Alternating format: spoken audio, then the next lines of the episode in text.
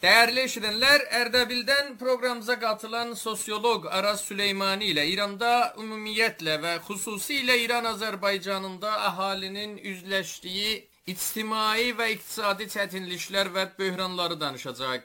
Araz bəy, Əslində son illərdə elə bu şikayətlər daha da artıbdı. İranda bir çox insanla danışırsan və ya sosial mediadakı bunların paylaşımlarına baxırsan, vəziyyətdən şikayət edirlər, bahalıqdan şikayət edirlər, bəzi ictimai fəsadlara diqqət çəkirlər və bura yaşamalı bir yer deyil biz cümləsi ilə çox qarşılaşırıq. Bir sosioloq gözü ilə ümumi vəziyyətə necə baxırsınız? Ondan sonra biz bu biraz bunlar daha bu problemlər hansı sahələrdədir? Hansı kateqorilərə baxa bilərik, onlara gedərik.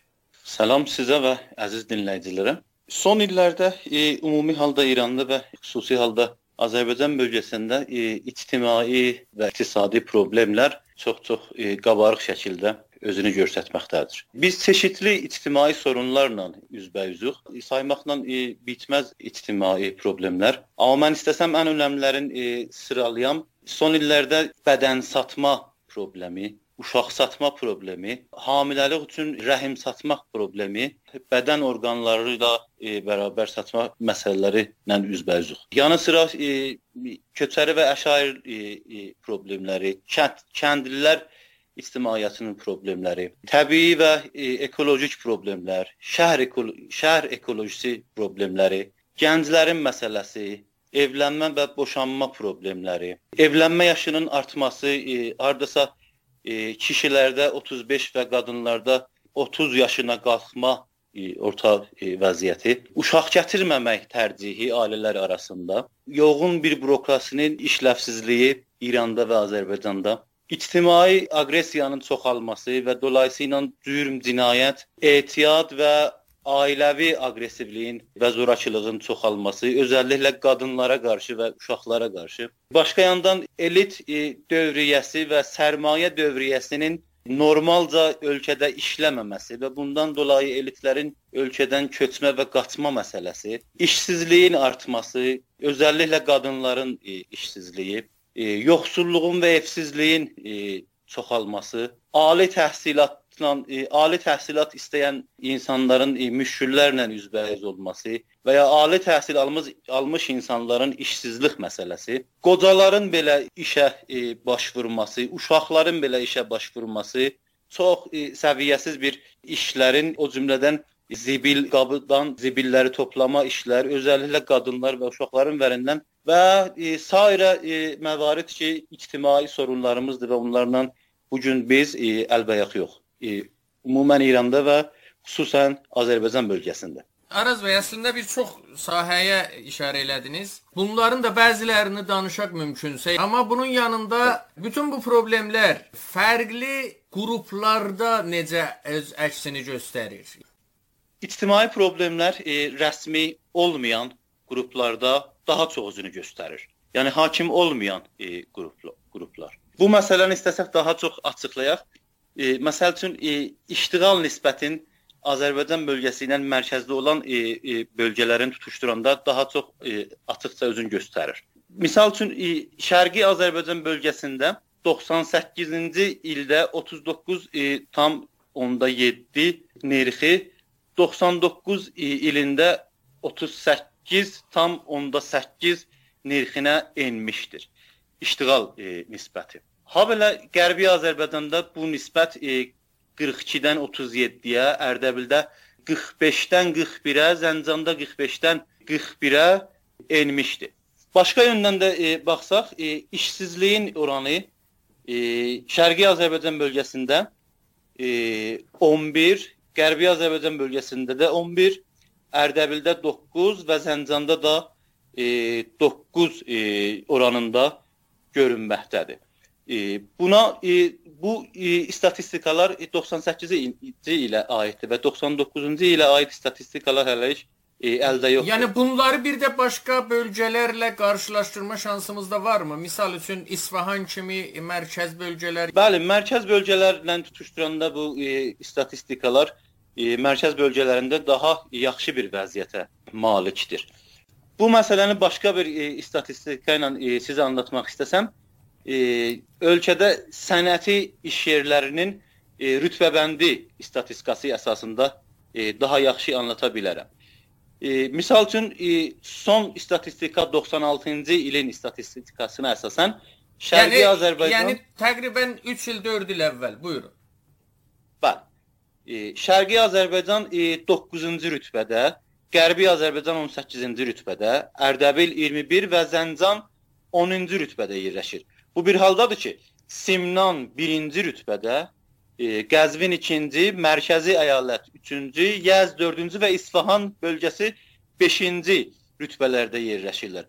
Bu e, kiçik istatistikaları tutuşturanda məsələnin necəliğini daha yaxşı anlamaq olur. Araz bəy, siz bəzi problemlərə işarə elədiniz. Misal üçün evlilikdə yaşın yüksəlməsi. Yəni bəzi bölgələrdə bu yoxsulluq üzündən, ictimai problemlər üzündən evlilik yaşı gedir 30-lara, 40-lara gedir, dayanır. Bu bir də bəzi başqa bölgələrdə də əks yöndə özünü göstərir. Yəni uşaq evliliyinin, erkən yaşda evliliyin artması, iqtisadi problemlər əks yöndə təsirlər də göstərə bilirmi? E, xas hallarda e, o cürdür. E, bunu e, qulluğuza deyim ki, ictimai problemlər e, tək yönlü məsələlər deyillər. E, istilahan e, multilevel ya polihidral e, e, bir e, vəziyyətdə bulunurlar. Yəni çox e, səthli və çox boyutlu bir e, məsələlər olurlar. E, bu ictimai problemlərdə kültürel məsələlər, e, siyasi məsələlər, ekonomik məsələlər və toplum necəliyi e, daha çox e, rol oynayır. E, istəsəm deyəm ki, e, məsələn, e, mərkəzi bölgələrdə ekonomik e, amillər daha çox e, bu məsələdə rol oynasa da, e, Azərbaycan bölgəsində də bu məsələlər rol oynayır. Amma yanı sıra kültürel məsələlər də Azərbaycan və ya etniki e, bölgələrdə daha çox rol da oynaya bilər. E, ona görədir ki, e, biz e, mərkəzi əyalətlərində e, uşaq e, evlənmə e, məsələsi ilə daha az üzbəyüzük və etnik e, qruplu bölgələrdə e, uşaq evliliyindən daha çox üzbəyiz oluruq. Bir də Araz bəy, yoxsulluq məsələsini edəndə bir də biz 1-2 il içərisində zəngin olan təbəqələr də görürük İranda. Baxırsan, fərqli bölgələrdə bəlli olmayan yollardan zəngin olanlar da var. Etniki bölgələrdə e, və ya daha doğrusu desəm bu mərkəz piramid modeli əsasında ya mərkəz ətraf e, modeli əsasında E, e, təbii ki, mərkəzdə olan rantlar, iqtisadi rantlar, siyasi rantlar, o cümlədən e, e, kəlan e, e, sərmayə yatırım e, rantı məsələ üçün e, daha çox ittifaq düşür. E, o yüzdən də ictimai problemlər e, bundan dolayı orada özün qabarıq şəkildə göstərmir. Əksi e, e, etnik e, və ya qeyri-rəsmi halda yaşayan e, insani toplumlarda bu özünü daha çox e, dərin və problemli şəkildə e, göstərir özündə. Araz bəy, siz Ərdəbildənsiniz. Ərdəbilin vəziyyəti olduqca ağırdır. Ərdəbil misalı ilə biraz bu problemləri anladasınız mümkünsə. Bir şeyə diqqət elədiyimiz zaman bu məsələ açıqca e, bizə aydın olur. Bir istatistika e, vardı, e, rəsmi istatistika e, əhaliyə nisbət aktiv xəstəxanaların sayısı. Bu məsələni, bu statistikanı göz önündə alanda özəlliklə Ərdəbil 94-cü ildə 21-ci rütbədə və 97-ci ildə 23-cü rütbədə yerləşir. Ha belə e, Şərqi Azərbaycan 94-cü ildə 11 və 97-də 20, Qərbi Azərbaycanda 27-ci və Zəncan da 97-ci ildə 16-cı rütbədə yerləşir. Yəni e, əhali əhalinin nisbətinə aktiv xəstəxanaların sayısı Azərbaycan bölgəsində vəziyyəti daha pisdir başqa e, bölgələrlə tutuşduranda. Bu e, vəziyyəti biz mərkəz e, əyalətlərində özəlliklə Tehran və ya İsfahan və ya Yəzd kimi yerlərdə e, bunun şahidi deyilik. Orada aktiv xəstəxanalar sayısı çox xəstəxanaların e, yatağı sayısı çox və ha belə e, uzmanların sayısı orada daha çoxdur. Ərdəbilin e, səhiyyə vəziyyəti elə bir pis vəziyyətdir ki, Ərdəbilin bir çox e, xəstələri məcburən e, Tehrana, e, e, Tehrana və Tehranda olan e, uzmanlara e, müraciət edirlər. Yəni Araz bəy, sizin əslində bu anlatdıqlarınıza görə İranda indi iqtisadi çətinliklər ölkəyə bərabər şəkildə yayılmır. Bəzi bölgələr bundan daha ağır zərbələr alır. Son e, büdcə statistikalarına əsasən e, Azərbaycan e, bölgələrinin vəziyyəti e, başqa bölgələri e, başqa bölgələrin vəziyyəti ilə tutuşduranda özün e, özünün pis vəziyyətin e, nümayiş etdirir. E, Şərqi Azərbaycanda e, 96-cı il, yəni son istatistika statistikalara əsasən e, büdcə rütbəsi e, 9-dur. Qərbi Azərbaycanda 10, Ərdəbildə 20 və Zəncanda 25-dir. İrana qarşı sanksiyalar varsa da bu sanksiyalar e, bu sanksiyaların e, pis e, e, üzü daha çox pis üzü Azərbaycan bölgələrində özünü göstərir.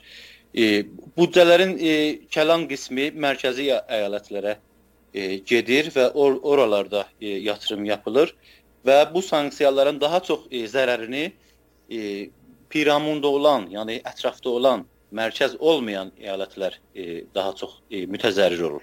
Bu məsələni şəhər və kənd modeli ilə e, tutuşduranda da təbii ki, kəndlilər daha çox məziqədə və daha çox çətinliklərdədirlər. E, iqtisadi imkanları daha çox azdır əkin, biçin e, imkanları azalıbdır.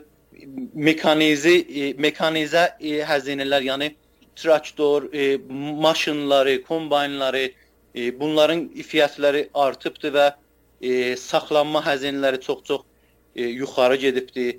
Və başqa yönlərdən yönlərdən bu məsələni e, nəzərdə alanda, məsələ qadın-kişi, yəni cinsiyyət əsasında təbii ki, qadınlar daha çox məziqə altında yaşayırlar indi bu şəraitdə. Qadınlar daha çox e, işlərindən qovulublar.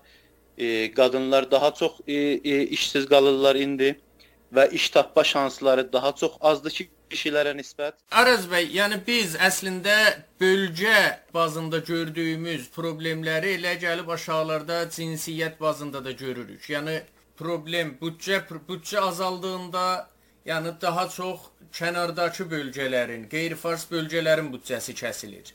Şirkətlər bəzi işçilərini, bəzi işçilərini işdən çıxaranda orada da daha çox ən müdafiəsiz qrupları işdən çıxarırlar. Misal qadınları işdən çıxarırlar. Yəni çətinlikdən payını ən çox pay alan zəiflərdir. O cürdür. Aşağı təbəqələr və e, siniflər e, rəsmi olmayan etnik qrupları təbiətən ən çox e, zərəri və ən çox çətinlikləri çəkirlər. E, istəsəm başqa bir e, misal vuram bu məsələyə. Ərdəbil bölgəsində e, son statistikalar yenə əsasən qida və qeyri-qida e, məsrəflərin ortalama xəzinəsi hər ailəyə toplam şəkildə e, 2 milyon 657 min tümən e, civarında e, e, e, pişbini olubdu, yəni. Bu e, yaxlaşıq demək 66 e, dollardır. Başqa bir e, tərəfdən də e, rəsmi statistikalara və e, xəbərlərə əsasən e, yoxsulluğun həddi İranda 10 milyon tüməni 99-cu ildə aşdı. Yəni yaxlaşıq 400 dollar. İndi bu 66 doları 400 dolar ilə e, tutuşduranda e, 6 bərabər e, e, mənfi halda e, özünü göstərir. Demək olar ki, bu bu başqa ibarətlə demək olar ki, ümumi halda İran cəmiyyətinin 70%-i yoxsulluq həddindən aşağı bir səviyyədə yaşayır. Və bu 70%-in e, bir çoxusu Azərbaycan bölgəsi və ha belə etniki bölgələrdilər.